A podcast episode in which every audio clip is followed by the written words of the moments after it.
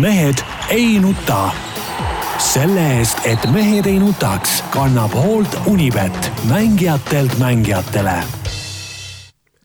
tere teisipäeva, nagu ikka, Mehed ei nuta eetris, Tarmo Paju Delfist. tervist! Peep Pahv Delfist ja Eesti Päevalehest. tervist! Jaan Martinson Delfist, Eesti Päevalehest ja igalt poolt mujalt nagu alati.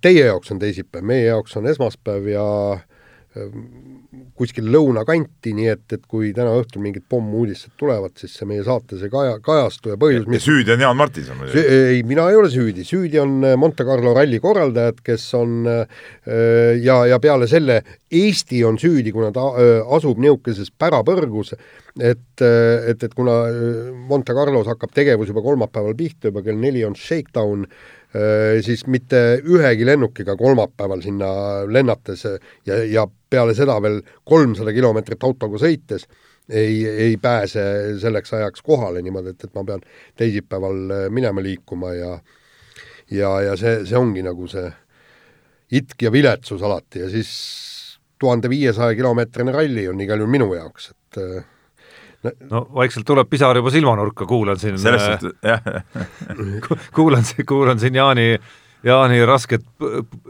rasket ajakirjaniku kuidas seda käendataksegi, põli, põli, põld või? ei no aga vanasti oli niimoodi, et me läksime rallidele, ralli algas üldjuhul ju reedel, mõnikord eks neljapäeva õhtul, läksime alati neljapäeval. vanasti, vanasti rallidele niimoodi. siis hakkasime minema kolmapäevalised tiimid ja need eh, pressiõhtud hakkasid olema kolmapäeva õhtuti nüüd ka eelmine hooaeg ma isegi läksin mitmesse kohta, pidin sõitma teisipäeval ära, näiteks Portugali mingid kohad, kus ei noh, ei muidu ei jõuagi midagi seal teha, tead sa ei jõua on... õigeks ajaks kolmapäeval kohale, kui need tiimivärgid hakkavad. ja kui on eriti kauged rallid ja. nagu need on, siis juba lähed esmaspäeval. siis lähed hakkad juba esmaspäeval minema jah, et, et, et selles suhtes on, on see, need sõidud on läinud aina pikemaks kogu aeg, tead noh. aga jah, rallihooaeg algab, et selles suhtes on muidugi, muidugi äge mõnes mõttes. kas teil vahepeal mingeid äh mõtteid ja ideid, mul, mul endal, ma vaatasin eile äh, Aktuaalset kaamerat, see saade Nädal, mis neil iganes on, ja, ja äh, lumehelblus paistab välja ka meie perearstides seal tehti siis äh, suured graafikud, et kui palju meil on äh, perearste ja, ja selgus, et, et noored ei taha punkt üks minna maakondadesse ja punkt kaks, nad ei taha üldse perearstiks minna, nad lähevad kõigepealt abiliseks, nad ei taha endale nii palju patsiente saada, äh, seal oli igasuguseid veel muid probleeme, neil on stressirohke töö ja ta-ta-ta ja igasugune niisugune kammaja seal käib. ja, ja, ja siis löödi see tabel ette põhiliselt kõige rohkem perearste ongi viiskümmend kuni kuuskümmend, kuuskümmend kuni seitsekümmend ja üks on, üks oli isegi kaheksakümmend pluss vanuses perearst. aga neil ei ole stressi, neil ei ole probleeme maakohtades olla, neil ei ole mingit probleemi, et, et neil patsiente palju on, nad on perearstid, töötavad, seitsmekümneaastased perearstid suudavad töötada ja nüüd noored inimesed, kes tulevad äh, ülikoolist, neil on mingisugused hädad. Kuigi ma ei tea, mis võiks olla, kui sa perearstiks lähed, minu arust just maa, maakohas on just parem olla perearst, sa oled nagu, sa oled nagu oma kogukonna liige, väga austatud äh, persoon seal, ütleme, sul tagatakse kõik võimalused, äh, asjad, eks ole, mis, milles küsimus on? kuule, võta ainult ja anna pihta tööle. kuule, minu jaoks oli täie, täielik hämmastus, et äh, ei ole perearsti Haapsalus, mis on linn, on ju Tallinnast ei ole üldsegi. ei, ei, ei. asendusarst käib Aa, ja ja, ja, ja video, video teel öö, käivad teinekord konsultatsioonid. Neil ei ole pe perearsti, neil on seal seltskond olemas, tule, hakka tööle. jumalast ilus rannikulinn. jaa, käisin muuseas äh, nädalavahetusel, Jaan, sulle just tegin ka telefonikõne, kui ma olin Haapsalu äh, kaubanduskeskuses ehk Konsumis, enne seda käisin seal Ilo Viklandi äh, siis selles noh, ta on nagu, ta on nagu muuseum, põhimõtteliselt nagu muuseum jah kuigi elus inimese kohta ei, vist ei ole ilus öelda, et tal on muuseum. aga käisin lapsega seal, väga äge oli, siis pärast käisime ka eh, rannapromenaadil, väga, väga tipp-topp, ei olnud palju rahvast, ilm polnud küll suurem asi, aga aga väga hea, Haapsalusse ma ikka paar korda aastas satun, noh, mul ei ole väga pikk maa sõita ka. pärast muidugi siis suurepärane, ma teen nüüd reklaami, loodan, et pärast siis ütleme, meil tuleb ka mingisugune arve. kohvikus käisid? Eh, käisin kohvi-, aga mitte Haapsalus Haapsalus on ka paar jaa, ja Haapsalus on ka paar väga head, need müüri, mis need on kõik, eks ole, aga äh, Dirhami sadama kala, kalarestoranis või võib see vist niimoodi ütelda, olete käinudki kumbki seal? Ei, soovitan soojalt, soovitan soojalt, praegu talveperioodil on lahti ainult nädalavahetuseti, suveti on muidugi kogu aeg otse sadamas seal ja, ja no, no suurepärased kala, kalaroad, ütleme nii, ütleme see oli oli, ma olen seal varem käinud, aga nüüd spetsiaalselt sinna sõit võib-olla jah, no ütleme, sinna ei ole nagu see ei ole päris eh, poodi piima järele sõita, aga ütleme, see sõit tasub igal juhul ära, nii et ma soovitan küll minna sinna. Äh, ma siin vahepeal, äh, kui Jaan äh, räntis lumehelbekeste teemal ja ma kahtlustan, et kindlasti on seal mingeid nüansse, millega ta ülekohut ka tegi, aga aga vahepeal, et ei jääks küsimusi õhku, siis sõna ajakirjaniku põli või sõna põli kui selline käändub siis põlve. Nii et äh, hakkas, hakkas sinu ajakirjaniku põlvest kohe nagu kahju. aga mis ma veel tahtsin öelda, siis mul praegu tuli meelde, Jaan, see on su gurmaan, kõige parem asi oli seal eelroog, niisugused hästi krõbedaks praetud äh, raimekesed, et võtsid sealt ja niisuguse kastme sisse ja panid, see oli nagu eelroana, see oli no, ülim, eks ole, siis ma sõin ka, ka haugi sõin seal, et väga ja ei, väga pro, kindlasti, kindlasti käime seal ära. nii, aga kütame saatega nüüd minema, jah? kütame minema saatega ja, ja autoralli Monte Carlo terve hooaeg, märksõnu on jube palju ja, ja, ja ma mõtlesin, et sissejuhatuseks äkki ma läheks kohe meie, meie saate hea toetaja Unibeti juurde ja nende rallihooaja koefitsientide juurde, et, et kui nädalavahetusel sai siin natukene neid äh, vaadatud, siis siis minu arust on täitsa hea panna alustuseks püsti küsimus võib-olla selle, selle jutuga liikvele minekuks, ehk et kui äh, Unibet ütleb, et äh, hooaja võidukoefitsient on Sebastian Ogieril maailmameistriks tuleku osas kaks koma null, Tänakul kaks koma viis ja Terrino Villil neli koma viis ja no ma usun, et lõpuks on need kihlvekontorites üsna sarnased äh, igal pool, siis kas on väikest üllatust siin või ei ole no,? suur või... soosik või noh, suur soosik üsna napilt, aga ikkagi soosik number üks on Sebastian Ogier Toyotaga. no põhimõtteliselt, kui inimene on tulnud kuus korda maailmameistriks ja tal on istumise all maailmameistriks tulnud mehe auto, siis äh, minu meelest see kombinatsioon ju eeldab nagu jah, eeldab nagu seda, et sa oledki suursoosik. Noh, selle, sel-, selle järgi tegi Ott Tänak nagu väikese nii-öelda valearvestuse või minnes Hyundai'sse? ei no, noh, seal olid ju muud, muud nüansid mängisid rolli, aga ei ma ei ütle valearvestus. vabastades koha Ogier jaoks. jah, aga Hyundai on ka ju tegelikult ikkagi hea auto ikkagi ja ta ikka võistkondlik äh, tšempion jälle omakorda. Noh. no ütleme niimoodi, et, et äh, ükstapuha kõik, mis me siin räägime, kõik no, on tegi... täielik umbluu. täielik umbluu, sellepärast me ei tea absoluutselt mitte midagi. ma pean teid spetsialistideks. ei no siis võib olla spetsialist või no tegelikult kokkuvõttes me ju ei tea ju, me ei ole ju, meil ei ole õrna aimugi, kuidas need mehed oma autodes tegelikult kohanevad et äh, praegu me saame lugeda, et kuidas Neuvill taob mingit trummi, kuidas, kuidas tema on ikkagi oma tiimis kõige kõvem mees ja, ja see on juba kahtlane minu arust see näitab seda, et tal nagu veri natuke väriseb ikkagi tead sees. ja, ja aga põhimõtteliselt kolm meest on ikkagi öelnud, et nemad sihivad maailmameistritiitlit, eks, ja sedasama on öelnud Ogier, Neuvill mõistagi, noh, tema on kõige kõvemini seda trummi löönud, Ott Tänak on taga, tagasihoidlikumaks jäänud, aga selge see, et, et et ta, ta võitleb selle tšempioni tiitli nimel väga jõuliselt, aga me võime siin rääkida ükstapuha mida iganes, me ei tea, kuidas näiteks Toyota vastu, vastu peab, seal on mitmed uuendused, eks. et, et auto on kergemaks tehtud, mis on juba väike, väike ohumärk, et kuskil, kuskilt sealt midagi, kui, kui mingi asi on siis kergem, siis järelikult te, võib ka te, tekkida probleem, eks. et kas, kas on kõik need asjad korda saadud?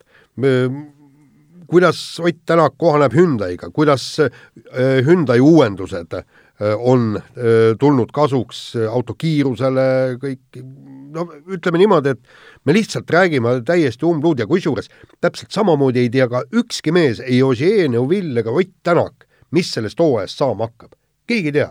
keegi ei ole proovinud autosid äh, võistlushooajal, noh okei okay,, Neuvill küll, eks, aga, aga Neuvilli saatus ikkagi sõltub Ott Tänakust. Ott Tänak, ma peaks temast kiirem olema. Ja kui Ott Tänak kohaneb autoga, tal on sama mugav sõita kui Neuvillil, no siis selge see, et, et Ott peaks jaa, aga ma ütlen veel kord, et see Neuvilli see jutt nagu, see viitab tema suhtes kõige suuremale ebakindlusele, et ütleme, Ožeer ja Tänak on selles suhtes olnud ütleme, tagasihoidlikumad ja, ja rahulikumad ja see ongi nende stiil tegelikult olnud. aga Neuvill nagu põmmib siin hirmsasti nagu seda, et, et et mul siin pole keegi tiimi sees kunagi mulle vastu saanud ja, ja kõik need asjad, et et see näitab, et ta on ikka natuke närvist, et no hästi palju rõhku läheb siin hooajalsetes jut-, juttudes selle peale, kuidas keegi nüüd millega kohaneb, eriti Tänaku ja Ožee puhul. samas äh, Andrea Adamo ütles, et, et rääkida sellest kohanemisest siin hooaja algul on nagu niisugune asjatundmatute inimeste jutt, et see ei ole üldse nagu tähtis, kui Monte Carlo ja Rootsi on kaks esimest rallit, mis on nagu, nagu nii, nii teistsugused rallid. On see no praegu, ei no see on nagu muidugi teistsugused rallid, ütleme seal hooaja alguses ongi kõik teistsugused ei, rallid. ei, see, seda selge, aga ma ütlen, et aga- et, et järelikult ei maksa sellest kohanemisest ka nii suurt numbrit ei, ma sellega ma nõus ei ole tegelikult, ikkagi see kohanemine loeb igal juhul, et kas see auto ikkagi hakkab sulle sobima või mitte, noh. et, et seal mingid nüansid kindlasti on, et et, et sa pead, ütleme, ütleme, Otil võttis ka aega ju see, kui ta Fordi sai enda jaoks mugavaks, võttis aega, kui ta sai Toyota enda jaoks mugavaks, et et eeldada, et ta nüüd äh, momentaalselt juba esimeseks, esimeseks ralliks on on Hyundai saanud nagu enda jaoks täpselt selliseks, nagu vaja on, no seda on nagu palju tahta. ja need kaks esimest rallit on ka sellised, mille käigus ongi raske seda autot nagu enda jaoks päris sobivaks äh, saada, et, et ma ei usu, et näiteks Monte Carlos äh, kindlasti Tänak ei ole favoriit number üks, no see on, see on nagu suhteliselt loogiline, noh. Et peale selle seal ütleme, selle, sellel rallil on teised mehed olnud alati paremad, teine on see, et mis sellest Rootsi rallist üldse saab. Ei pruugi üldse tullagi, eks ole, siis on juba teine ralli, mille Tänak eelmine aasta võitis ja mida see aasta kavas pole, et siin on ka nagu huvitavad nüansid. no Monte Carlos on põhiasi on ju see, eks, et äh, nagu on ko kogu aeg räägitud, et äh, julgus vajutada gaasi äh, tuleneb sellest, kui hästi see äh, auto käitub sinu käskude järgi. et, et seal ongi, kui, kui, kui seal on kuskilt maalt ebakõlad, siis võetakse kohe gaas maha, sellepärast et seal on niivõrd kerge öö, ennast kuhugi kraavi keerata. ja, ja, ja, ja see on ka kiirete rallide puhul ja, ja kõike, seal ongi, et, et sa pead selle, nagu Ott Tänak on öelnud, ma tunnen ennast muna, mugavalt ja nagu, nagu seal oli ju eelmine aasta väga hästi, et see on ohumärk kõikidele tema rivaalidele. kui Tänak ütleb, ma tunnen ennast autos mugavalt, see tähendab seda, et ta vajutab. noh, Neuvilliga duellis peaks tal ju kõige suurem eelis mõnes mõttes olema seesama tiitel, mille ta eelmisel aastal kätte sai. et, et justkui nagu noh, elutöö on nagu tehtud, et siit kas, kas sa võidad ühe, kaks või kolm tiitlit elu jooksul, ei ole nii suurt va- vahet kui see, kas sa võidad null või ühe. vot seda kunagi ei tea, kas see mõjub hästi või halvasti, üks asi on see, et et kas sa oled näljane, sa tahad seda tiitlit võita, sa oled sellepärast kiire, teine variant on see, et kuna sul on noh, sul ei ole otseselt vaja midagi tõestada, sa oledki nagu enesekindel ja sa teed sellepärast nagu kiiresti, et et või, või vastupidi, eks sa, oled näljane, sa rapsid üle või sa oled jälle ütleme, sattunud selle tiitlivõidu järel ikkagi teatud mugavustsooni ja sul ei olegi vaja võib-olla igast olukorrast sada kümme protsenti välja pigistada ja siis jälle omakorda kaotada, nii et siin nagu need variandid on kõik õhus ma räägin, seepärast ma ütlengi, see kõik on, on paras umbluu. aga, aga me räägime ainult kolmest mehest, kas sa Jaan, kas sa arvad, et üldse keegi teine rohkem mängu ei sekku või? No kas üks-, kas märgiline, kas, kas märgiline ei ole juba see, kui teiste juurde minna, et kui ma siia samma Unibetti lähen, neljandal kohal selles tabelis on Kalle Rovanpera. ei no see on muidugi täielik jama, see, sellesse ma küll ei usu. aga mina muuseas üks äh, asi, mida ma äh, pelgan või mida tuleb tõsiselt vaadata, Elfin Evans Toyotaga.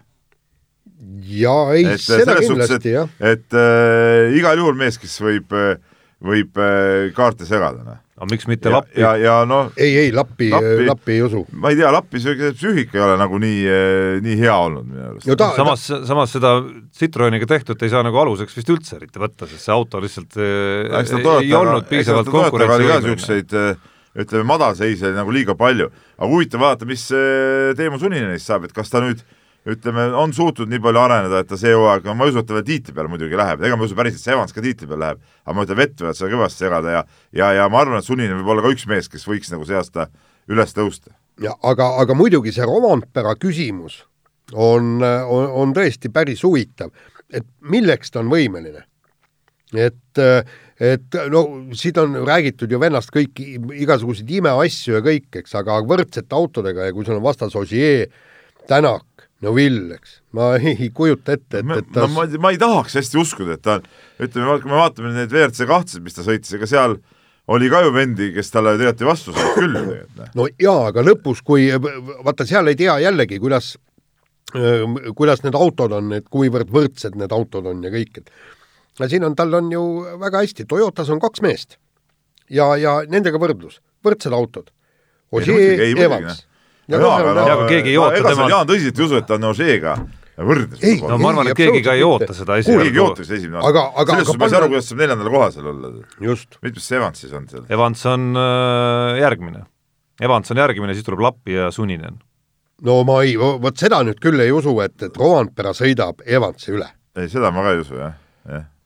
aga, aga muidugi seal on veel igasuguseid huvitavaid äh, asju, üks huvitav asi on ju see, et et kui järgmine aasta vabaneb sisuliselt kaks kohta, kuna Ogier lõpetab ja see suure tõenäosusega Sebastian Loeb lõpetab, et kes tuleb nende asemele, kas äh, Jari-Mati Latval saab jätkata karjääri? kuidas ta nendel üksikutel rallidel sõidab, WRC kahes on ju äh, väga võimsad äh, ekipaažid.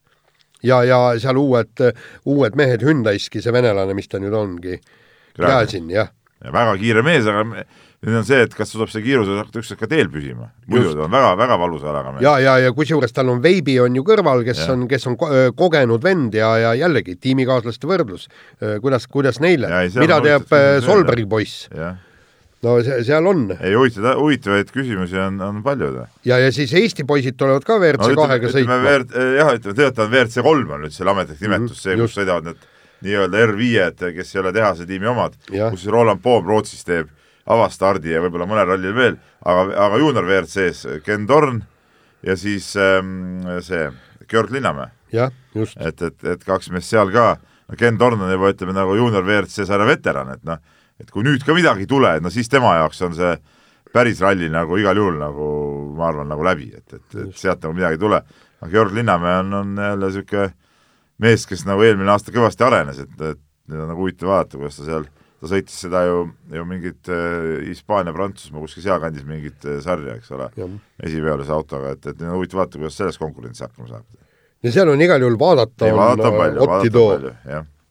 Otti Too, väga õige sõna, no nii, aga jääme siis vaatama, saadame Jaani äh, meie praeguse ajaarvamise järgi homme, aga teie ajaarvamise järgi saate eetris oleku ajal Juba ongi, lendab. ongi Jaan juba kas lendab või on seal juba kilomeetrid mõõtmas ja jääme nendele vastuseid, nendele küsimustele siis vastuseid ootama. kütame kiire vahemänguga kiiresti edasi ja kihlveopetturid üritasid äh, Eesti-Läti korvpalliliiga mängudesse sekkuda ja nagu selgub, ka käs-, käsipalluritele pakuti võimalust teenida raha, mida käsipallurid ja nagu ma saan aru, ka korvpallurid vastu väga ei võtnud. jah, see on nagu huvitav, et et eh, ikka nagu üritatakse niisuguseid eh, asju teha ja just nagu nagu Tarmo, sinuga ükspäev rääkisime just labasel No no, see- moel nagu see, see kõik ei näinud nagu välja väga tõsiseltvõetav ausalt öeldes, et o- omamata küll erilist öö, sellist öö, isegi, isegi null peab vist ütlema, sellist nagu petturi kogemust või, või petturi staaži. oota, kuidagi nagu siis- hakkasid, oot, oot, oot, oot, oot, hakkasid kuidagi nagu siin pidid nagu välja vabandama, et eh, ennem ei olnud siis null ikkagi. Äh, ei no ma parandasingi selle erilise sõna nulliks, et omamata nagu kogemust selles vallas, siis siis nagu küll aga vaadates krimkasid näiteks väga palju ja olles ka noh, Jaaniga võrreldes vähe, aga aga kokkuvõttes ma usun, ke- keskmisest inimesest rohkem ikkagi krimkasid lugenud, siis tundus nagu niisugune üsna amatöörlik, et et kirjutan, mis noh, ma pakun Messengeris või mis iganes suhtlus, Whatsapp või mis see olla võis seal, kus kirjutada siis eh, mõnele võõrale meistriliiga mängijale lihtsalt sellise ettepanekuga sõnum äkitselt või, või helistada, nagu see Käsipalli oli, siis helistada koondise abitreenerile, eh, rääkida veel keeles, millest eh, too nagu väga hästi aru ei saa, et et see kõik tundub selline nagu noh, mitte kuigi, mitte kuigi tõsiseltvõetav katse, et ma kahtlustan, et on oluliselt osavamaid kriminaale selles valdkonnas tegutsemas. jaa, aga mul esimene mõte lõigi kohe pähe, kas siin ei olnud tegu mingite õnneküttidega, kes, kes proovivad kuskilt maalt, et no äkki, äkki õnnestub ka sinna businessisse ennast sisse suruda. et need tegelikult, need professionaalid tegutsevad ilmselgelt ju hoopis teistmoodi, eks. Ja kui, kui me juba öö, lugesime siin, kui palju neid öö, noh, nii-öelda tennisiste on öö, vahele jäänud ja, ja üle maailma on, kas Soomes on probleemid ja kõik, kõik see, see asi käib väga vaikselt ja kõik, aga põhiliselt ikkagi suured alad, tennis, jalgpall, sealt on välja tulnud. Kas te tahate öelda, et maailmas korvpallis ei ole ühtegi ei, ei kihvti kindlasti mitte, kindlasti mitte. no no vot, ei, et no et mul ei, mul nende uudiste valguses kindlasti ei, ei ole illusiooni, et, et mingisuguseid kahtlasi tegevusi ei toimu ja see, seejuures ka Eesti pinnal kusjuures. Arvestades- raske, raske on uskuda, eriti olukorras, kus ju pakutakse seal panustamist ka madalamatele liigadele, kus, kus mängivad ju täiesti amatöörid või noorsportlased või või noh, mingid sellised ei no arvestades ka, et Eesti-Läti liiga tasemel palgad ei ole ju teab mis kõrged, eks ole, noh korvpallis või ütleme, võrkpallis, käsipallis seda enam, on ju.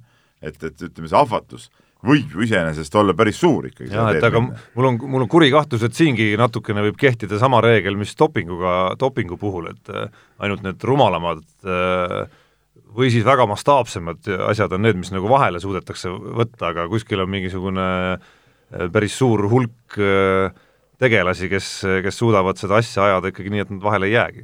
Aga see, aga siit tekibki küsimus, et, et kas me võime kindel olla, et, et meie korvpall, käsipall, võib-olla võrkpalli kohalikud liigad on äh, ausad, kõik need mängud seal? No aga sa võid kindel olla, et kõik meie sportlased on dopingust puhtad. ei, ei noh, absoluutselt siis samamoodi. Noh, alati võib ju, võib ju mõelda seda, et, et on mingid probleemid, noh et, et, et see ikkagi toimibki ja, ja või ma ütlen, et võib-olla, võib-olla toimibki, aga ütleme, praegult ei ole näiteks korvpallis eh, selles kuulsas radaris nagu ei ole ükski mäng punaseks läinud sel hooajal, aga võib-olla nad teevadki seda peenemalt. No me ei tea just. vahetame teemat, oleme rääkinud ja kergejõustikusõbrad on kõik elevil äh, selle üle, et äh, olümpiaaasta on käes ja ja Eesti kümnevõistlejate seis on üle aastate hea jälle, nii et, et äh, lootused on suured saada sinna kolm väga kõva meest starti, aga Karel Tilga tahab vägisi olla neljas mees, kes ühe sellest suuremast kolmikust ikkagi äkki välja puksib. eelmisel nädalal andis siis äh, pikalt vigastatud olnud äh, ja kindlasti tuleviku lootuse nime vääriv äh, Karel Tilga sellise intervjuu, kus andis märku, et oodake, oodake, et siin Maicel Uibod ja Janek Õiglased ja Johannes Ermid ei maksa veel olümpiakohti ära jagada. jaa, ei see on kindlasti huvitav ja, ja Tilga on kindlasti niisugune mees, kellel see lootus või, või Potentsiaal on kindlasti potentsiaal on igal juhul nagu olemas, noh et, et nüüd ongi see küsimus, et ma saan aru, et et õlad ja käed ja kõik on terveks saanud, et saab oma alasid äh, õieti teha, oda visata ja, ja teevast hüpata ja kõike teha, et et äh, võimalus kindlasti on olemas, et selles suhtes see väga väga, väga, väga huvitav on see, et sel suvel on ju kaks tiitlivõistlust ka, et, et kuidas need kohad seal jagatakse, nagu ma olen aru saanud, siis EM-ile vist saab isegi Eesti meistrivõistluste eh, kulla omanik eh, saab kindla koha, kui ta teeb kaheksa tuhat punkti, et noh, ühe tiitlivõistluse saab küll, aga noh, selge see, et olümpia huvitab sportlasi rohkem. ja, ja, ja, ja kes neist sinna saab, noh, no ma ei usu, et ta nüüd, et Tilga nüüd suudab teha päris seal eh, üle, üle kaheksa tuhande viiesaja nüüd kohe kõmaki. Aga, aga no seal ei pruugi nii palju vajagi olla, kaheksa tuhat kolmsada viiskümmend kuni kaheksa tuhat nelisada võib-olla see sinna vahele vahemik võib, võib nagu visata ja see on, see on täitsa võimalik, noh, et igal juhul väga huvitav. ja ikka hämmastav ikka see, et kus Eestis neid kümnevõistluste koha ikka tuleb, et see, et ikka see loeb ikka see, kui sul on mingi alatraditsioon ja ja, ja vennad lihtsalt tahavad seda ala teha, tead noh, et ma usun, kujutan ette, et et mujal maailmas ütleme, niisuguseid vendi, kes kes võiks head kümnevõistlust teha, on veel, aga, aga nad teistes riikides võib-olla ei satu nii lihtsalt selle ala juurde, sest see ei ole paljudes kohtades võib-olla nii populaarne. aga Eestis on ikka kogu aeg kümnevõistlusel nagu, nagu mingi ülim ala. ja, ja mis me räägime nüüd praegu nendest äh, olümpiamängudest ja sellest aastast, kui võtame siit aasta-kaks edasi, kui kõik need vennad, neli venda arenevad, siis asi läheb täitsa hullumeelseks. seal võib olla niimoodi, et, et vennad jäävad kaheksa tuhande viiesaja punktiga, jäävad lihtsalt tiitlivõistlustel välja, kuna, kuna ei mahu aga koondisse. niisuguseid asju on ju USA-l ja, ja ka sakslastel on niisuguseid asju olnud küll parimatel aegadel, kus kus väga kõvad mehed jäävad koondisest välja, seal polegi lihtsalt, seal peab olema siis kindel süsteem ja, ja, ja selle järgi, kes pääsed või ei pääse, noh. noh, ja USA-s on ju lihtne. USA meistrivõistlused, seal ma ei tea, ebaõnnestud ühel alal sa võid olla ükspuha kui kõva, aga sul ei ole mingit varianti enam. kuigi see Jaani mainitud äh, või maalitud pilt kõlab kuidagi natukene nagu võib-olla liiga ilus jällegi, kui mõelda, et No nagu ikka. et äh, pole vist olemas maailmas ühtegi kümnevõistlejat, kellel mingit vigastust ei ole parasjagu ja nii edasi ja nii edasi, et tõenäosus, et nad kõik ühel ajal äkitselt kaheksa tuhande viiesaja punkti meesteks saavad, no see võib juhtuda, aga see ei ole siiski tõenäoline. ja aga, aga, aga sealt nüüd järgmine küsimus, kui meil on tõesti neli kaheksa tuhande viiesaja pluss potentsiaaliga venda, kas on mõtet nüüd nendel, mida need peavad, need madalamad vennad tegema, nii, nii-öelda Indrek Kaseorud, kes siksivad äh, kaheksa tuhande ühe, kaheksa tuhande kahesaja punkti, võib-olla kaheksa tuhande kolme, kolmesaja punkti juures. no neil sisuliselt on tõesti ainukene võimalus kuhugi tiitlivõistlustele pääseda ainult sel juhul, kui, kui on kaks-kolm venda vigastusega eest väljas. no mis siis teha? No jaa, aga noh. keelame ära.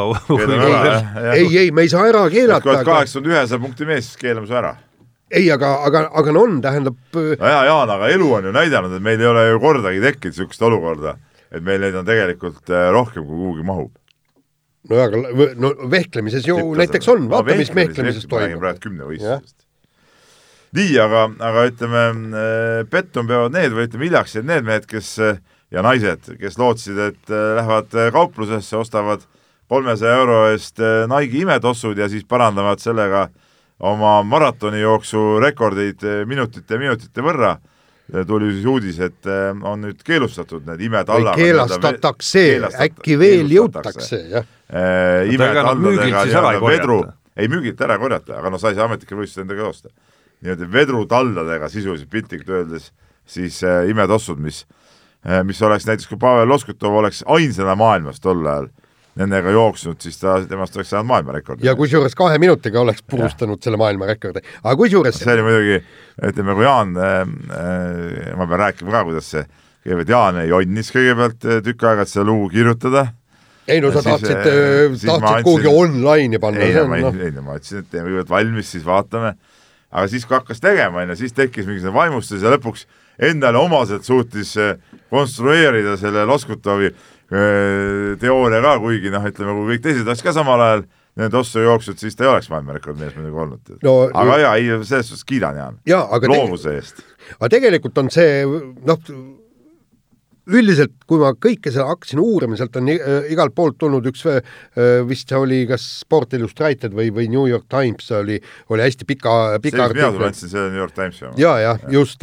Ja, ja seal oligi ja, ja seal oli äh, kasutatud seda jooksjate äppi, kus oli tõesti vaadatud äh, kümneid, isegi sadu tuhandeid maratone, poolmaratone ja võrreldud nende jooksjate aegu, kui nad panevad kõik ajad sinna ilusasti sisse. Ja üks neljandik kirjutab juurde ka, et mis tossud jalas on. ja, ja nagu selgus, et, et kui sa muudad tossumarki võtad siis äh, just need kõige, kõige uuemad äh, Nike'i jooksutossude, siis keskmiselt paraneb aeg viis protsenti, ässadel neli protsenti ja, ja niisugustel aeglastel jooksjatel, kes üle kolme minuti või üle kolme tunni jooksevad maratoni, suisa kuus protsenti. et ainuüksi tossude pealt et, et kuna, kuna lihas ei väsi nii palju, eks, ja siis seal on see vedrumoment ka kõik juures, et see on ju meeletu parandus. no see tundub tänapäeva tehnoloogia juures tundub see maailm, kuhu aina, kuhu aina rohkem hakatakse ju oma pilke suunama ka, et kust veel mingeid sekundeid saada ja kust veel mingisuguseid äh, edusid otsida võrreldes konkurentidega ja ja mul on tunne, et see on alles ma ei saaks vist isegi öelda algus, aga, aga võib-olla algusjärk kogu sellel temaatikal, et ma ei tea, kas nüüd eeloleval suvel näiteks võtame Eesti äh, rahvasport on väga moes, on ju, kas Eesti rahvajooksudel tuleb siin kevadel Viljandi-Järve jooks näiteks, sügisel äh, see meie kõige suurem au ja uhkus, äh, Tallinna maraton ja kümme tuhat osalejat kümne kilomeetri stardis, et kas siis Mati Lilleallik ja tema käsilased peavad siis kõik kõikide stardis olijate jalanõud üle vaatama. jaa, aga see on kohtunikud, samamoodi nagu tavamaratonil, loomulikult sa ei saa minna sellega maratoni ja mõtle siis veel suuremaid maratone maailmas. aga ei saagi, noh. ja praegu me räägime ühest Nike, Nike'i mudelist, et ma arvan, et siin on aja küsimus, millal neid äh, mudeleid on kõikidel äh, suurematel brändidel ja, ja mitte ainult üks, vaid juba rohkem ja see hämar ala seal kuskil vahel see, see läheb mingiks täiesti suureks asjaks, mul on tunne. no ütleme niimoodi, et, et see tuleb ära keelustada, muidu hakkabki kogu tehnoloogia minema selle nii-öelda vedrutuse peale et, et, et see, seal võib asi absurdini lõpuks välja jõuda. aga see oli täpselt sama, nagu selle ujumiskostüümid olid, kui olid mingid, mäletate, see hainahad nii-öelda, nii kutsutud, kus sa palju see oli, viisteist minutit sikutasid seda kombinesooni endal selga, eks. ja seal ju, palju seal oli, seal oli ühe aasta jooksul sada maailmarekordit purustati, on ju, ja kõik tänu kostüümidele. E-, et mitte ujuja ei ole kiiremaks ise muutunud tal on lihtsalt kostüüm seljas ja sealt see edu tuleb, et ja, ja nüüd ju keelustati ka kõik need kostüümid ja trikood ja, ja nüüd ju mehed peavad ikka palju üle käe ujuma jälle. no just. Võivad vist olla need eh, poolpikad püksid. poolpikad ka, aga tegelikult võiks tavaliselt susped olla ja ka ja sest sealt pool pü pikkade pükstega jällegi sealt kuskilt mingit edu ja imevad jälle ja naised stringides. jah. tundub pealtnäha muidugi paras utoopia, et kuidas ütleme ikka maailma suurimatel rahvaspordiüritustel oleks võimalik nagu ära hallata see et, et mis jalanõusid keegi seal, seal kannab või mitte, et lõpuks ainult konkurendid suudavad vist jälgida seda. ja miks, sa lähed ju sealt oma stardiväravast lähed sisse, seal kontrollitakse ju seda aga need on ju hiiglaslikud. kiibiga ju seda äh, sisseminekut ka ju no pluss sa võid võib-olla mingil hetkel paned jalga nagu õiget tossud ja siis viimasel hetkel vahetad ära veel. ei no alati saab ju valskust, vaata, vaata, aga Tarmo hakkas rääkima, et et ta ei ole kunagi nagu tegelenud, aga nüüd juba mingid teooriad, mul on niisugune tunne, et vana valskus kuubis. mul on lihtsalt elav, elav ettekujutusvõime. aga, aga, aga teisalt jälle samas jälle kunagi võeti ju fiiberteibad kasutusele, miks me ei võiks äh, praegu bambusteivastega hüpata? minu arust peakski. minu arust peakski.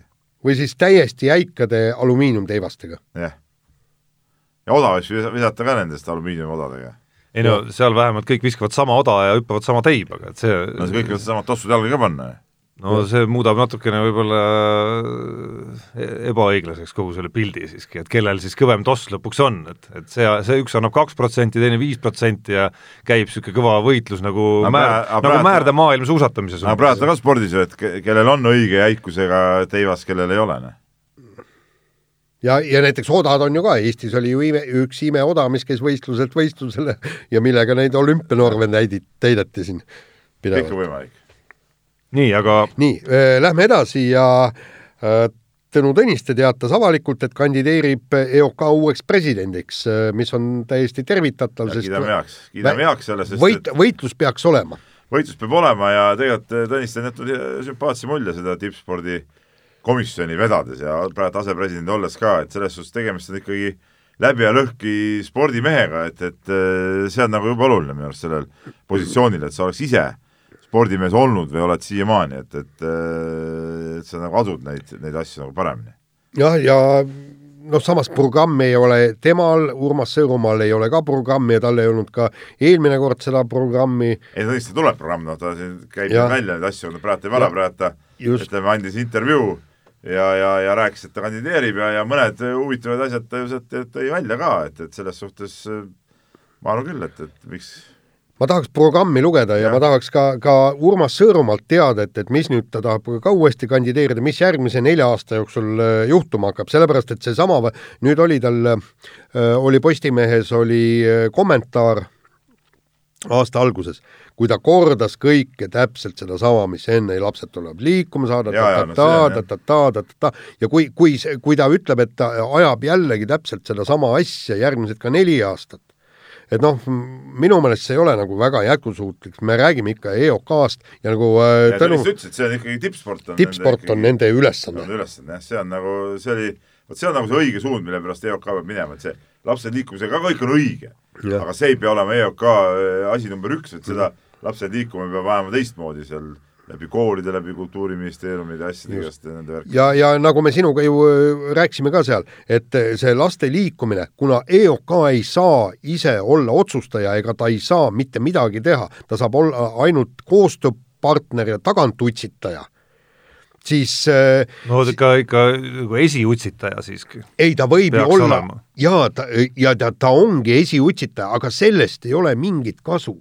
sellest ei ole mingit kasu, kui sa, kui sa ei saa sisuliselt riigi rahakotti nagu ümber suunata, nagu räägitakse, eks, haigekassa rahadest kümme protsenti ennetavaks tegevuseks ehk siis lastespordile. sa võid seda rääkida, täpselt see Tõnis tõi väga hästi selle välja, et et lubati asju, mida ei olnud võimalik, mida ei olnud olemas tegelikult, eks ole. no ma tuletan küll meelde et... siin makse tõsta, kes lubas seal mingit raha saada, et noh, see on absurd ju tegelikult. jaa, aga ma tuletan meelde, et eh, juba toona, kui, kui, kui sellised lubadused kõlasid, oli selge, et, et lubatakse asju, mis, mille, mille nagu täideviimine ei ole üldse iseenda võimuses, aga see ei seganud ikkagi Urmas Sõõrumaal võitmast neid valimisi.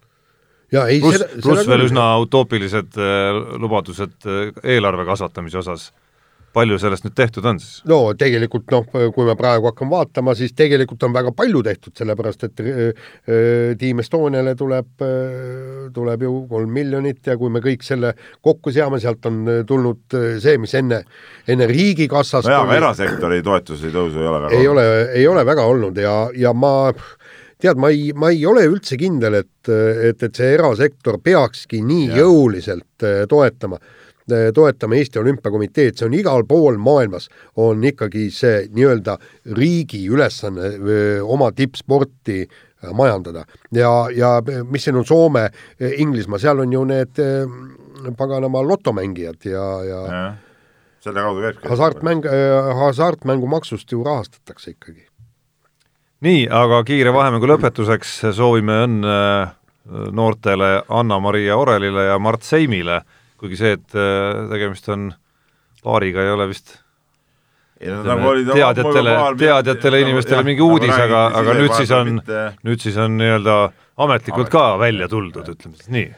ei no ikka sportlaste, ütleme, sportlastest paarid on nagu toredad ju, neil tulevad ka sportlikud järeltulijad jaa, no see on üks asi, aga teine asi, no neil on vähemalt kodus midagi äh, rääkida, millestki rääkida, arutavad asja, käivad koos trennis, käivad koos, noh, ma ei tea, palju see Mart Seim jooksmas nüüd käib, aga et äh, ega liigestele tal väga hästi äh, see ei mõju, aga noh, jalgrattasõitu koos teha ja see on ikka tore või ei ole? no vot, see lähtub muidugi, see lähtub Jaansoni eeldusest, et ega sportlastel ju peale spordi nad ei oskagi nagu muud teha ja muust rääkida. mina eeldan, et neil on äh, midagi muud teha veel toredam.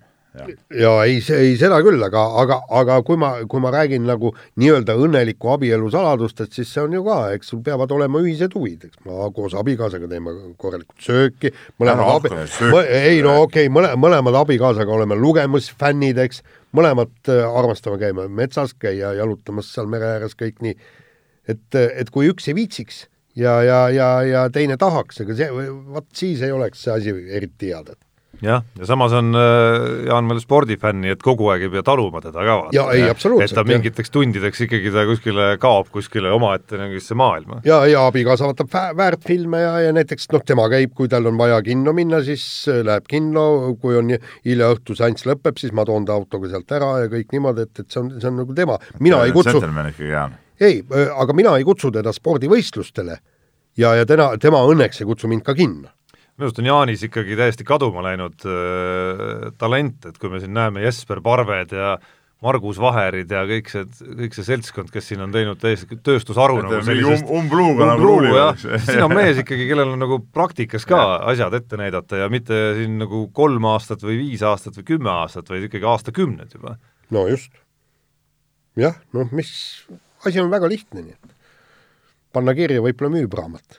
ei, ma ei viitsi lihtsalt vahepõikena, et, et meil ju saade olukorras, kus on ütleme, kakskümmend neli tundi ligikaudu ette tehtud, siis värske uudis on tulnud, mis ei muuda küll rallimaailmas suurt pilti, aga, aga uudis räägib sellest, kuidas kuidas teie põli läheb natuke kergemaks võib-olla, Tšiili ralli jääb selle aasta kavast ära üldse. ei, see oli teada ju. see oli teada, jah. nüüd on ka ametlik. aa, nüüd ametlik, aa okei okay,, siin ise ütlesid, jääb ära, jah. et ma seal eelmine aasta käisin, noh, iseenesest nagu tore koht, ebamugav sõita ja, ja, ja igavene pikk lend ja selles suhtes on mul nagu hea meel, et sinna see aasta ei pea sõitma. no et ongi rall... üks ralli vähem see aasta. jah, aga rallimeestel oli selles mõttes hea, et ta oli nii-öelda äh, ühendatud rallid olid, eks, Argentiina ja, ja Tšiili. ja, ja no mis, mis selle Tšiili ralli tegi eelmine aasta huvitavaks, oli see, et et ta oli kõigi jaoks nagu uus. seal nagu õige sõidumees pidi võitma ja õige sõidumees võitis ka Unibetis saab tasuta vaadata aastas enam kui viiekümne tuhande mängu otseülekannet. seda isegi mobiilis ja tahvelarvutis. Unibet, mängijatelt mängijatele nii nagu ma rõõmuga hoomasin, on Unibeti raha meie kontodele laekunud, enam seal nii palju ei ole, kui, kui, kui enne oli, aga, aga ma vähemalt alustasin äh, asjaga. jaa, samad sõnad ja pean ka tunnistama, et raha on vähem kontol, kui oli nädalal üks.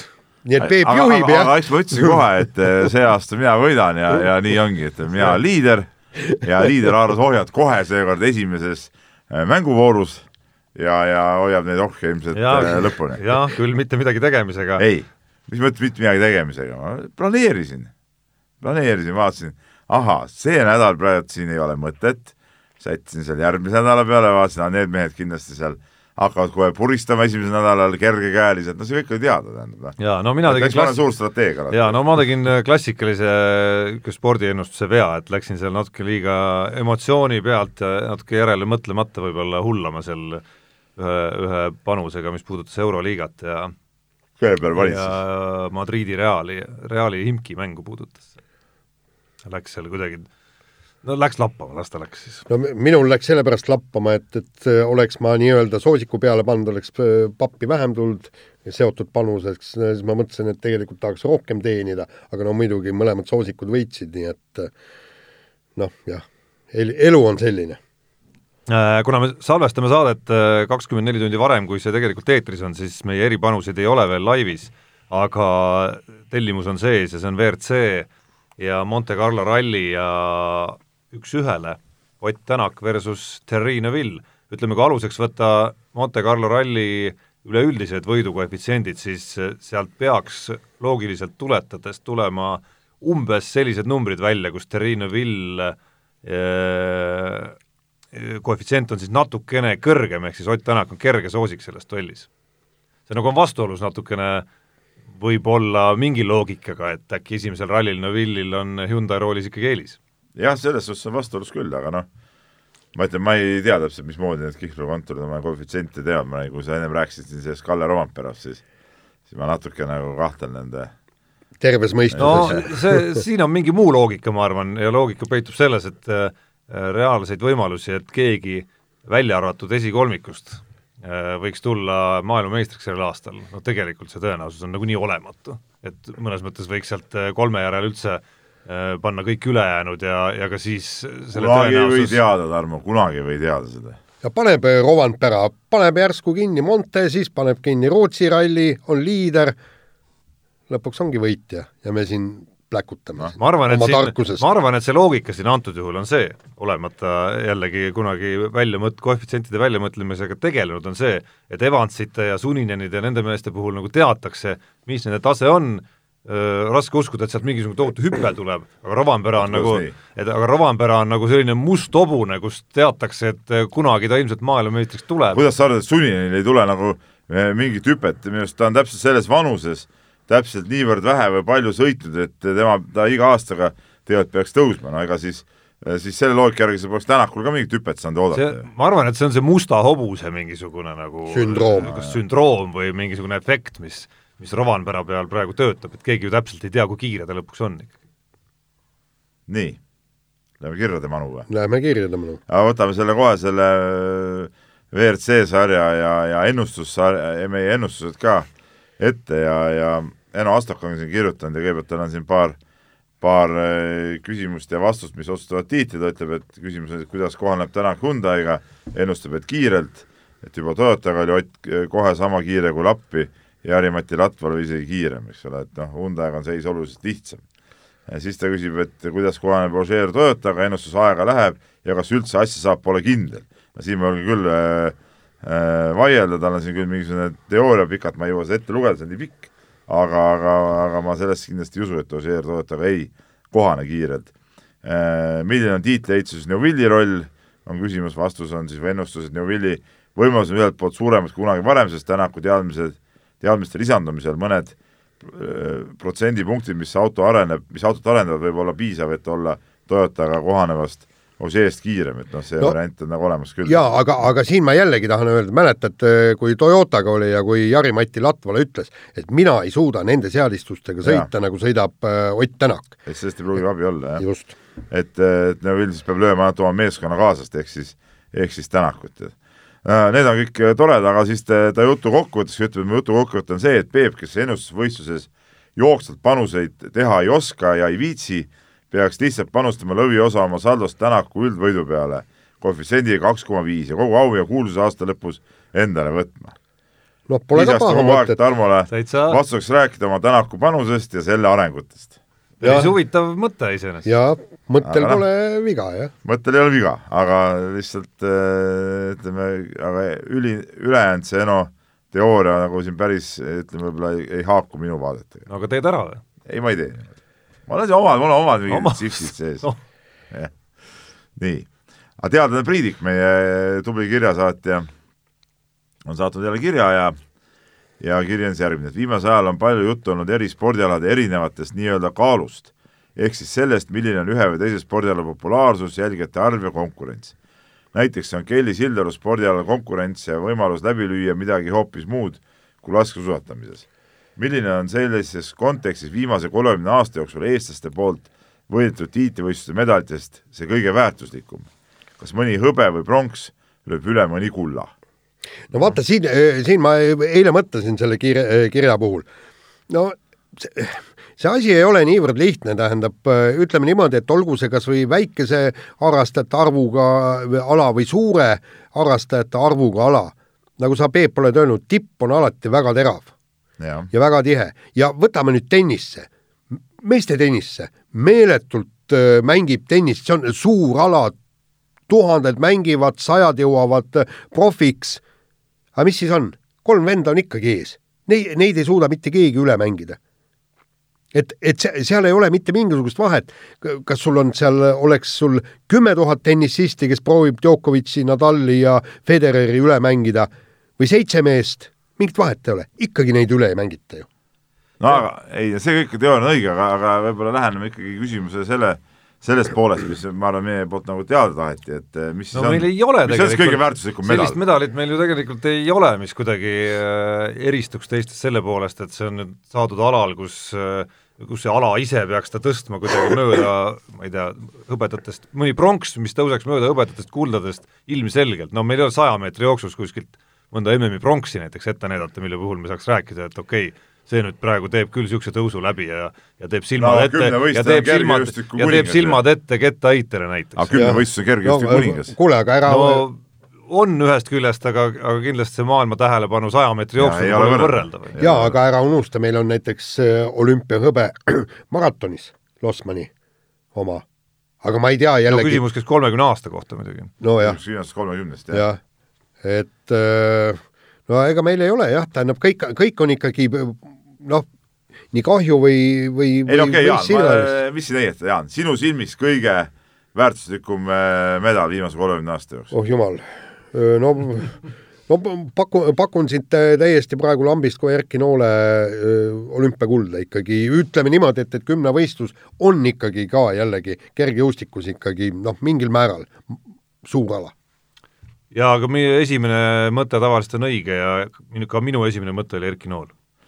No mul oli mul, seal murdmaasuusad kuidagi ei küündi ei. sinna kõrvale, ma ei tea, Erika Salumäe võib-olla trekisõidu sprint ei, ikkagi, aga noh. see, seal oli üks, üldse üksteist naist maailmas sõitis tol ajal. see oli, see oli marginaalne ala tol ajal jah, aga äh, ma ütlen ka, Erki Nool küll, aga äh, mul ikka tõuseb sinna kõrvale, ma olen siin varem ka mingis kontekstis välja, ikka see Värniku odaviskekuld oli ikka, mis jaa, ei seda kindlasti. mis oli ikka ka nagu minu silmis ikka väga, odav ise on ka niisugune ala mis on ikka superala nagu kergejõustikus ikkagi, no või võib-olla see tuleb minu, minu mingist oma sümpaatiast, aga see noh, okei okay,, üks on olümpiaid, teine maailmameistri, erinevad kaalud ja selles suhtes jah, ma olen nõus, et noore olümpiakuld on ikka kõige kõvem, aga ma tooksin sinna, ütleme siis nagu, nagu poodiumi teisele astmele selle Värniku MM-kulla. oleks meil mõni jalgrattur maanteesõidus äh, grupisõidus, kas või pronksi saanud, oleks kohe hoopis, hoopis teine jutt.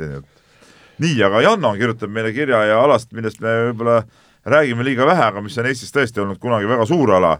Ja, ja ta kirjutab, et mehed, kas võiksite paar minutit arutada äh, Eesti male hetkeseisu teemal, et ei ole malest ammu midagi kuulnud, ometi on tegemist klassikalise alaga, kus Eestis, Eestil maailma tasemel tegijad olnud, Paul Keres, Jaan Elvest ja nii edasi, eks ole. Vanasti oli isegi ETV-s regulaarne malekooli saade Ivo Nei juhtimisel, mis oli tõesti legendaarne ja, ja aga miks on male siis varju jäänud kuna noored liiguvad vähem, kui ta on väidetavalt äh, nutikad, siis võib-olla oleks male sobilik viis noori spordi juurde tuua. noh. ma ei tea, Peep, kui sa nüüd vaatad oma, sa oled päris mitu aastakäiku äh, puutunud kokku erinevate noortega, korvpalluritega pean silmas yeah., siis ma kahtlustan, et sa nõustud, et ei paista seal väga huvi male vastu, et äh, nutikust võib-olla on ja rääkimata huvist nutiseadmete vastu, aga aga et see kuidagi äh, tähendaks, et male harrastamine oleks, äh, oleks, oleks kuidagi paeluv, minu kogemused seda küll ei ütle. see on täitsa huvitav küsimus, täna mind ootab äh, pärastlõunat asume teele Võru poole mängima ja siis ma olen bussis, ma arvan, ma teen siis küsitluse poiste seas, et kes neist üldse malet oskab. jah, kas Ma käike, kes üldse käikegi oskab? ma tunnistan ausalt, et ega, ega ma olen kodus kunagi poisile üritanud nagu ka seda malet natuke näidata, kui ta oli suhteliselt väike, aga väga suurt huvi seal ei olnud ja, ja nüüd ütleme, viimased kümme aastat ma arvan, me pole isegi, isegi proovinud seda, et et jah, ega, ega mu endagi viimased malemängud jäävad ikkagi väga kaugesse aega, omal ajal siin sai natukene arvutis veel mängitud ja niimoodi. Kuigi ütleme, noorpõlves hästi palju, isaga ma mängisin ja vennaga meil olid suured, suured eh, ütleme, niisugused noh, tollal olid need suured Karpovi, Kasparovi matšid, eks ole, siis meil oli ka oma, oma mingid matšid kümne võiduni ja mängisime ja noh, niimoodi niisuguseid huvitavaid, huvitavaid asju tehtud küll, et, et malet sai omal ajal kõvasti taotud. aga Ja- meil on, minu male oli niisugune nagu niisugune lihtsakohaline male, et mitte nagu niisugune niisugune õpiku järgi, nagu ma ei tea, meie sõber Ants, kes praegu ka kindlasti meid kuulab, naerab No muidugi, naerab muidugi välja, et tema no see ongi natuke edasijõudnute jah, tase, eks. aga mina mängisin lihtsalt malet ja ka nii oli tore, no ütleme niimoodi, ja, ja ma olen eh, nii Jaani sind kui ka sind, Tarmo, eh, võitnud, eks ole. ja mina olen võitnud Andres Vaherit ühe korra Yahoo Yahoo malekeskkonnas, kui ta kogemata, mingi asja ta jättis mulle kogemata ette meil olid omal. Yahoo's need omad reitingud ja me mängisime omal ajal, Ja. kui Õhtulehes kõik töötasime, siis meil olid ju hirmsad male- no ja põhimõtteliselt kõik, kõik, kõik mängisid seal malet, aga, aga jah, minul õnnestus selle ma, malebuumi keskkonnas, aga vot see oligi see, et et ma, ma arvan, et, et et me saaksime selle uuesti tagasi siis, kui kogu ühiskond võtaks praegu ette selle nii-öelda male miks mängimise male ei või olla jah, kooli üks programmi osa? jaa, aga näiteks see, kus mul abikaasa õpetab Jüri gümnaasiumis, seal on maleõpetajad ja, ja seal õpetatakse malet ja aga, aga vaata, see ei saa niimoodi, et üks kool, teine kool, kõik, eks. sest meie ajal oli see ju buum seal oli niimoodi, et, et käisid kõik äh, Walter Hoierid ja kõik käisid mööda koole simultane andmas, eks ma, ma olen isegi mitmeid simu- simultane mänginud, muidugi kiirelt pähe saanud, eks. siis meil oli klasside meistrivõistlused males selleks, et pääseda kooli tšempionaadile, kolm paremat igast klassist pääses, eks ja, ja, ja peale selle tõesti seda vaatasime seda maletundi, eks maleõpikuid kõik, uurisime sõpradega, mängisime malet, telefoni teel mängisime, telefon oli kolm tundi kinni, sest me mängisime kolm tundi malet, eks ju.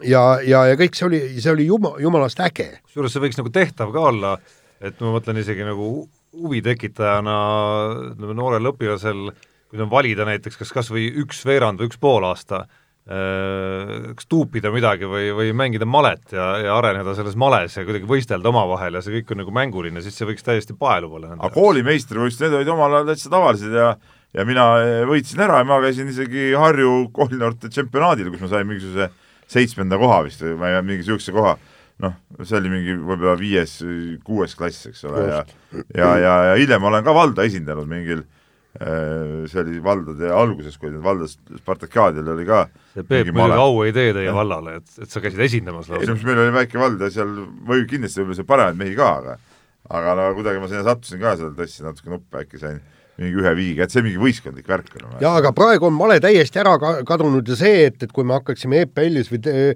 Delfis äh, seda mare, malet kuidagi propageerima ja niimoodi suureks puhuma, sellest ei oleks kasu. et seal, seal tuleks, peaksid teised ka nagu kaasa tulema.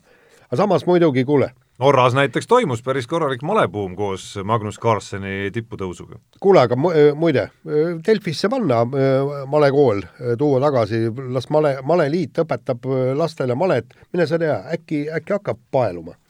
ma kahtlustan, et siin on mingit vähe tõsisemat tõuget vaja, kui, kui lihtsalt selle malekooli ülespanek. Ei no sa- saad aru, kui, kui hakatakse vaikselt õpetama kuskilt, tead, üks-kaks-kolm haaravad kinni, neli haaravad kinni, siis tuleb võib-olla Postimees tuleb ka ligi ja olgu, Jaan, tuleme tulmemaailmast tagasi okay., kell on palju ja kirjuga rohkem ei jõua võtta, et lähme, lähme vist järgmiste teemade juurde. nii, räägime käsipallist ja äh, Eesti käsipallikoondis äh, tegi soojenduse ära, võitis äh, Luksemburgi kahe mängu kokkuvõttes hästi palju ka viimase mängu kodus äh, kolmkümmend üks, kakskümmend, käisin seda mängu ise vaatamas. head käsipalli on tõesti väga hea nina vastu nina vaadata ja, kusjuures kiideti ka meie saadet, et me oleme, me olime äh, me, andsime inspiratsiooni, ma sain aru. ei no me ajasime mehed natuke närvi, sellepärast et andes teada siin, et, et, et kui nüüd Luksemburgile kaotatakse, siis järgmine võimalus võita on kokku minna Vatikani nunnade naiskonnaga ja see olla seal teemaks võetud ja, ja tegelikult ikkagi Luksemburgiga mingit probleemi ei olnud. ei, ei, Jaan, Jaan, Jaan no,. poolteist mängu ikka oli probleem täiesti olemas, olgem ausad, et terve esimene mäng oli nii-öelda värav väravas ja ja see mäng vist lõpetati kas neli-null või, või mingi sellise spurdiga ja. ikkagi, kus osaks olid ka paar väravavahi väga head tõrjet ja, ja teise mängu esimese poolaja ütleme no see käis ikka nii üles-alla. see käis ka väga üles-alla. miinus kaks oli seal mitu korda ju. jaa, kaks, kaks korda oli miinus kaks, aga et väga aga kindel vaata, oli see asi ainult ikkagi teise mängu teisel poolel. jaa, aga, aga, aga siis, siis kui see mäng hakkaski sujuma, vaata seal ongi see, et praegu näitasid mehed välja, et milleks nad on tegelikult võimelised, eks ju et, et ma rääkisin seal käsipalluritega ka ja, ja käsipalli juures olevate inimestega ja nad kõik nõustusid sellega, et, et see Mait Patreli põi-, põlvkond, seal on, Rooma on sealt põlvkonnast ja just si-, Sillast on sealt põlvkonnast ja, ja Jaanimaa, noh, tema tuli nagu hiljem kõik, nad ei ole oma potentsiaali välja mänginud. ja äh, nad, ja nii, aga, aga, aga nüüd nad said kõik kokku, keegi polnud vigastatud, said selle mängu käima ja asi toimis. kuigi ma, ma ütlen, et äh, ei noh, okei see Luksemburgi vastu, see toimis, see veel ei näita midagi. just, aga ma tahtsingi näita. öelda, et, et mina ei ole kindlasti nii pädev käsipallispetsialist, kuid mulle jäi ikkagi mulje, et kui tulevad Läti vastu, tuleb Holland vastu, ma, ma ei tea, kellega me kohtume seal EM-valikturniiril, siis tuleb ikkagi äh, kruvi natukene kõvasti, kõvasti no, see, juurde keerata. see oli ka see tunne, mis mulle tegelikult jäi ja see esimene äh, ma ei saa öelda häirekell, aga, aga esimene selline väikene häiriv nüanss minu arust oli juba see esimese mängu skoor. et, et Luksemburgi, jaa, et Luksemburgi masti vastase vastu lasta endale nii palju väravaid visata.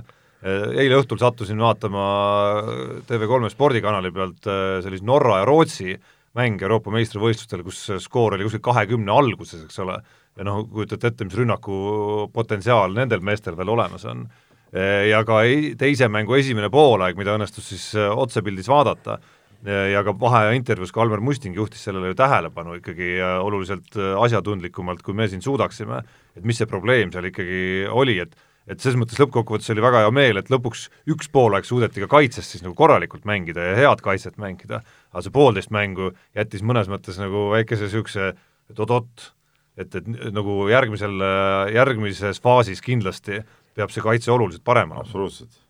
ja kaitse peab olema nagu, nagu selle Luksemburgi vastu viimane, viimane poolaeg.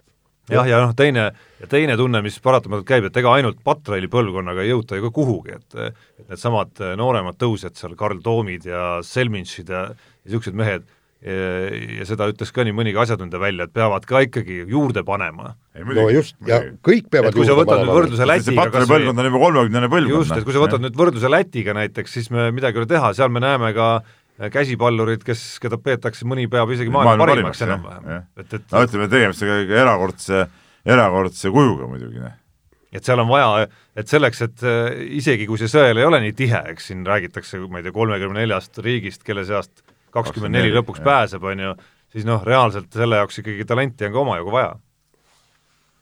vahetame teemat, äh, noorte olümpiamängud on vist korrektne nimetus sellel üritusel no,, mis, äh, mis Lausanne'is toimus, äh, on läbi, Eestile tuli sealt kulda ja karda, aga huvitavam osa ehk on siis Kelly Sildaru esimene võistlus sellel hooajal lume peal, esikoht oma põhialal pargisõidus ehk tema võiduseeria jätkus aga ilmselgelt, eh, kui, eriti kui lugeda tänast, eh, tänases Päevalehes ilmunud eh, Madis Kalveti lugu, ilmselgelt päris märkimisväärsete küsimärkidega.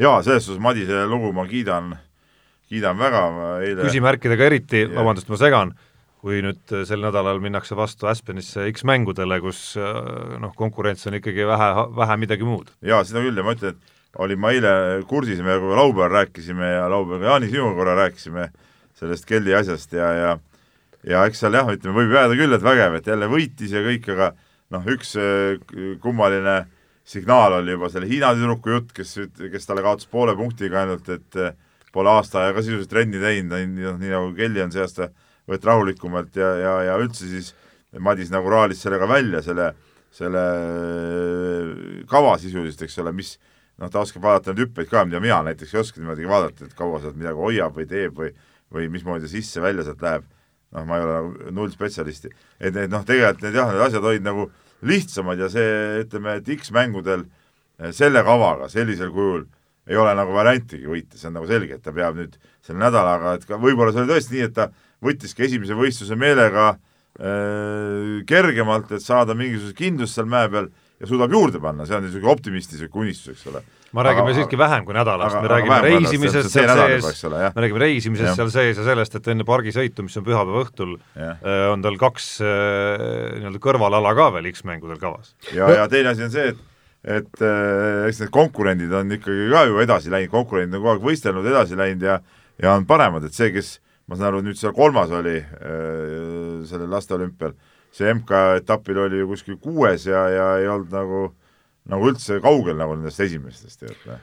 no ütleme niimoodi, et, et juba visuaalselt oli näha, et, et kui me võtame aluseks selle, mis, mis Kelly, Kelly Sildaru oli siis, kui ta suurele areenile astus, nagu see juutuur ja, ja seal esimesed X-mängud ja kõik, eks ja siis sa vaatad nüüd seda sõitu, seal oli visuaalselt oli näha, et, et noh, parimal juhul on asi täpselt samale tasemele jäänud.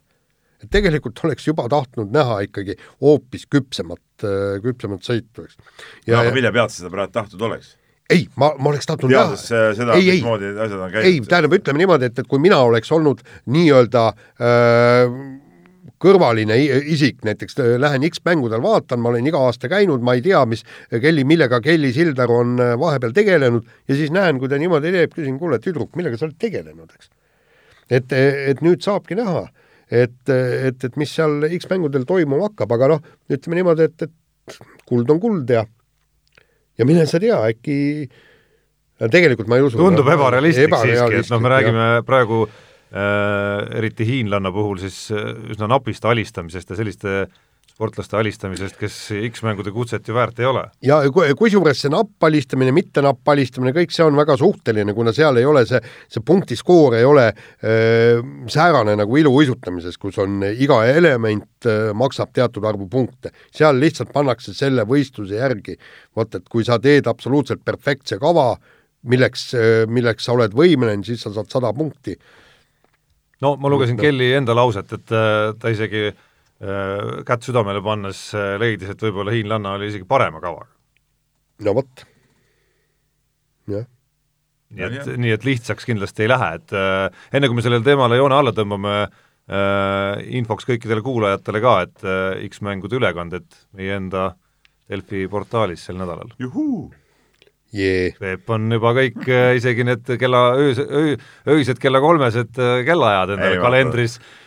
Pannud meeldetuletused ja, ja palus mul siin täna hommikul, et ma paneks talle helinad peale sinna ka kõik, et öösel hakkaks siiski, telefonid siiski vilkuma. Need jäävad ära, kuna äh, ma olen professionaal ja ma olen sel ajal hoopis Lõuna-Itaalias poistega mängimas Euroopa noorteliigat ja seal tuleb, ütleme, puhata, valmistuda mängudeks ja seal mingid kõrvalised tilulilud jäävad kindlasti ära, öised aga see põhiala saab siis olema pühapäeva õhtul, päris magusal ajal? siis ma olen parajasti jälle lennukis, nii et ma maandun Tallinnas kakskümmend kolm, viiskümmend viis, nii et jääb, jääb ka see kahjuks mul ära. nii, aga meil on äh, tund ja kaks minutit juba täis. võtame hästi põgusalt siis viimase teema. ja võtame viimase, viimane teema ja viimane teema on siis nii, et, et et edaspidi ehk siis tulevikus enam EOK ei maksa võist-, võistlejate medali puhul treeneritele preemiat ja treenerid ei saa kandideerida Kristjanile ehk parima treeneri auhinnale juhul, kui tal ei ole kehtivat kutsetunnistust.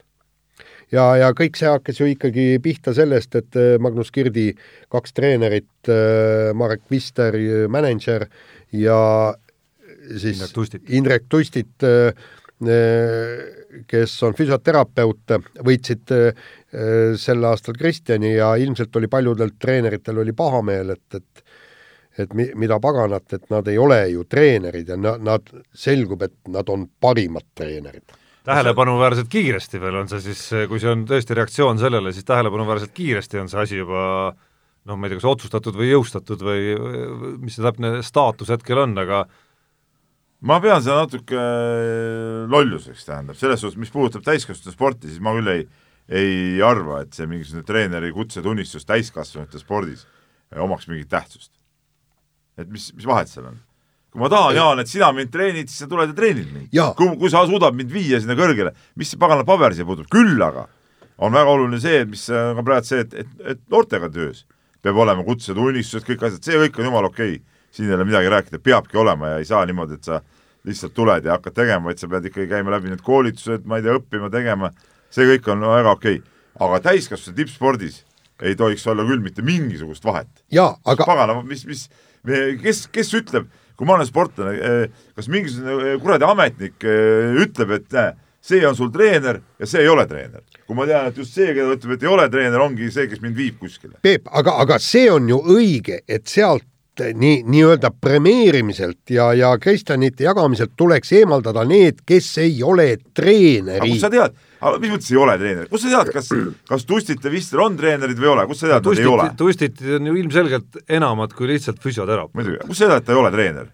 keda sa eemaldad sealt siis no,? Tõnis Sildaru eemaldad sealt ära siis või? ei, miks? Noh, aga mille järgi sa täheldad siis? ei no jaa, aga, aga Tõnis Sildaru ju konkreetselt treenib oma tütart, ta ju aga käib Tõnis Sildaru sellesama muudatusega jääks ka tulevikus ilma Jaa, ja vot- väga vot see on ebaõiglaselt ja täiesti ebaõiglaselt jääks ilma, kusjuures, et mulle jääb segaseks, ei no mida kus nagu sa siis paremaks tõmbad selle piiri, kus sa tõmbad selle piiri, kui sportlane ütleb, et näe, see on minu treener, siis nii on ma, ma veel kord äh, ütlen, et, et siin on ka enne olnud teatud sportlaste puhul, eks, et äh, on see küll aga totter on jah see, kui ütleme, et no, mina ja Tarmo oleme sportlased, onju, ja paneme nii, et Tarmo on minu treener, mina olen Tarmo treener no,. ei no või, ei no, okei, ma saan teoorias aru olukorrast, et siin on nagu natuke nagu sahkerdamisruumi teoorias, et mul ei olegi nagu õiget treenerit ja siis äh, ma jätan siis selleks, et see treeneri toetus ikkagi kuidagi nagu üles noppida, eks ole, maast, sest siis ta jääb muidu andmata välja lihtsalt No kui ma tulen maailmameistriks. et siis selleks, et see kopikas ikkagi nagu üles korjata, mis ei ole üldse väike, et siis natuke annab seal sahkerdada ja panen Peep, Peebu näiteks endale treeneriks, on ju. jaa, aga kuidas sa ütled, et treener ei ole see mees, kes käib näiteks Magnus Kirdi iga jumala treeningul on kohal? iga jumala treeningul kohal. No aga kas ta on treener või? kas, kas ta on aga küsi treener? Magnus Kirdi käest. treeneril, mis see treen-, mis on treeneri definitsioon siis? no vaata järgi Google'ist No, mis, on treener No ei no see on selge ei, ei no üleüldiselt on see, et ma, mina ei saa päris hästi aru, mida sellega nüüd paremaks tahetakse teha, et ma näen esimese hooga asju, kus, äh, mida tahetakse halvemaks teha, noh, see Tõnis Sildaru näide on ju ideaalne näide. no teine on ju, ei, kõige hullem näide on ju see Alar Alar, Seim. Kes on lõpetanud lõpetanud, noh. Tartu Üli, ülikooli tõstertreeneri eriala. aga kuna ta ei ole pikendanud oma treeneri litsentsi, siis ta ei ole treener. Ja, ja tema nagu preemiat ei saa. täpselt sama on Nikolai Novosjoloviga, kellel on ka litsents olemas, aga pole ka seda pikendanud. ja, ja, ja üks asi, mis mind häirib, ma olen täiesti nõus sellega, et äh, näiteks Tõnis Sildaru või kellel ei ole nagu eriharidust ja kes, kes ise ei ole äh, äh, tippsporti teinud, mitte lihtsalt sporti, aga tippsporti teinud, need peaksid ikkagi läbima selle nii-öelda üldained, treeneri äh, üldained, sellega ma olen nõus. nõus, kui sa teed lastega tööd. Kui sa teed täiskasvanuga, ei ole mitte mingit vahet. mitte mingit vahet, Jaan. Peep, see, see, see ei ole hull. täiskasvanud sportlane see on- ise otsustab, Peep, keda ta tahab endale juhendada. no see- Kelly, see on- see on kolm- sinu, see on kolmkümmend- sinu see- näite juures Kelly kallale ta poleks tohtinud minnagi muidugi. ja, ja seda küll ja seda mm -hmm. ja ta tegeleb Henriga ka. sama asi on Novosjolovi, kes tegeleb äh, oma tütrega Jah. ja temal peaks olema kõik paberid korras, ma räägin praegu konkreetselt täiskasvanute Ei. treenimisest. vaata, Peep, kui endine, kui Aavo Keel äh, lõpetas mängikarjääri, sai kohe äh, Pärnu äh, klubi treeneriks võrkpallikoondisse sa, sa, sa ilmselt ei pannud Mis tähele, mis ma rääkisin. noh, ma rääkisin need, kes, kellel ei ole haridust ja kes ei ole ise tippsporti teinud. Tõnis Sildaru ei ole tippsporti teinud ja tal ei ole ka öö, vastavat haridust. seepärast üldainete läbimine kolmekümne tunni ulatuses ei tohiks olla probleem ja, ja tal oleks endal öö, võimalik, noh, endal oleks ka kasulik, kui selle läbida. aga mis mind häirib, on see, et kui Tõnis Sildaru teeb need eksamid ära, kõige totram on see, ta peab eriala kolmekümne tunni ulatuses õppima. Iseendale? iseendale, kusjuures ta on selle eksami, komisjoni, komisjonis sees, kutse, kutsekomisjonis on sees, eks nii. Isegi kui ta selle ära teeb, ise loeb endale loenguid ja ise teeb endale eksamid, siis ta saab, ja just, ja siis ta saab abitreeneri kutse, selle kõige madalama kutse. vaata, siin on, ma, ma olen küll nüüd täiesti kindel, et need, kes viivad oma õpilase äh, tiitlivõistluste medalini, peaksid saama automaatselt vähemalt vanemtreeneri kutse. Ei no viienda kategooria, tavalise treeneri kutse peavad vähemalt saama no.. jah, ei no tegelikult juba ka vanemtreener no,. no vanem, no seal ei ole, sellel ei ole sisulist vahet. nojah, just aga jah, aga, aga, aga see, et, et, et me nüüd äh, kotime tõesti neid, kellel on no, Alar Seimi, no miks me peame teda kottima, kui, kui tal on eriharidus olemas, eks? ja inimene ei leia lihtsalt äh, aega, tal ei ole võib-olla mingit tahtmist, ta, tal on ju kõik need üldained, ega seal äh, inimese füsioloogia ei ole muutunud. Ja, ja, ja kindlasti ta loeb ja arendab ennast. aga noh, nii, nii need asjad on, paraku. nii, aga tõmbame otsad kokku, sest läks kõvasti üle aja, nagu ma aru saan kui kähku teeme, jõuame enne tundi ja kümmet minutit. Davai, pane kiirelt kõll. mehed ei nuta. saate tõi sinuni Unibet, mängijatelt mängijatele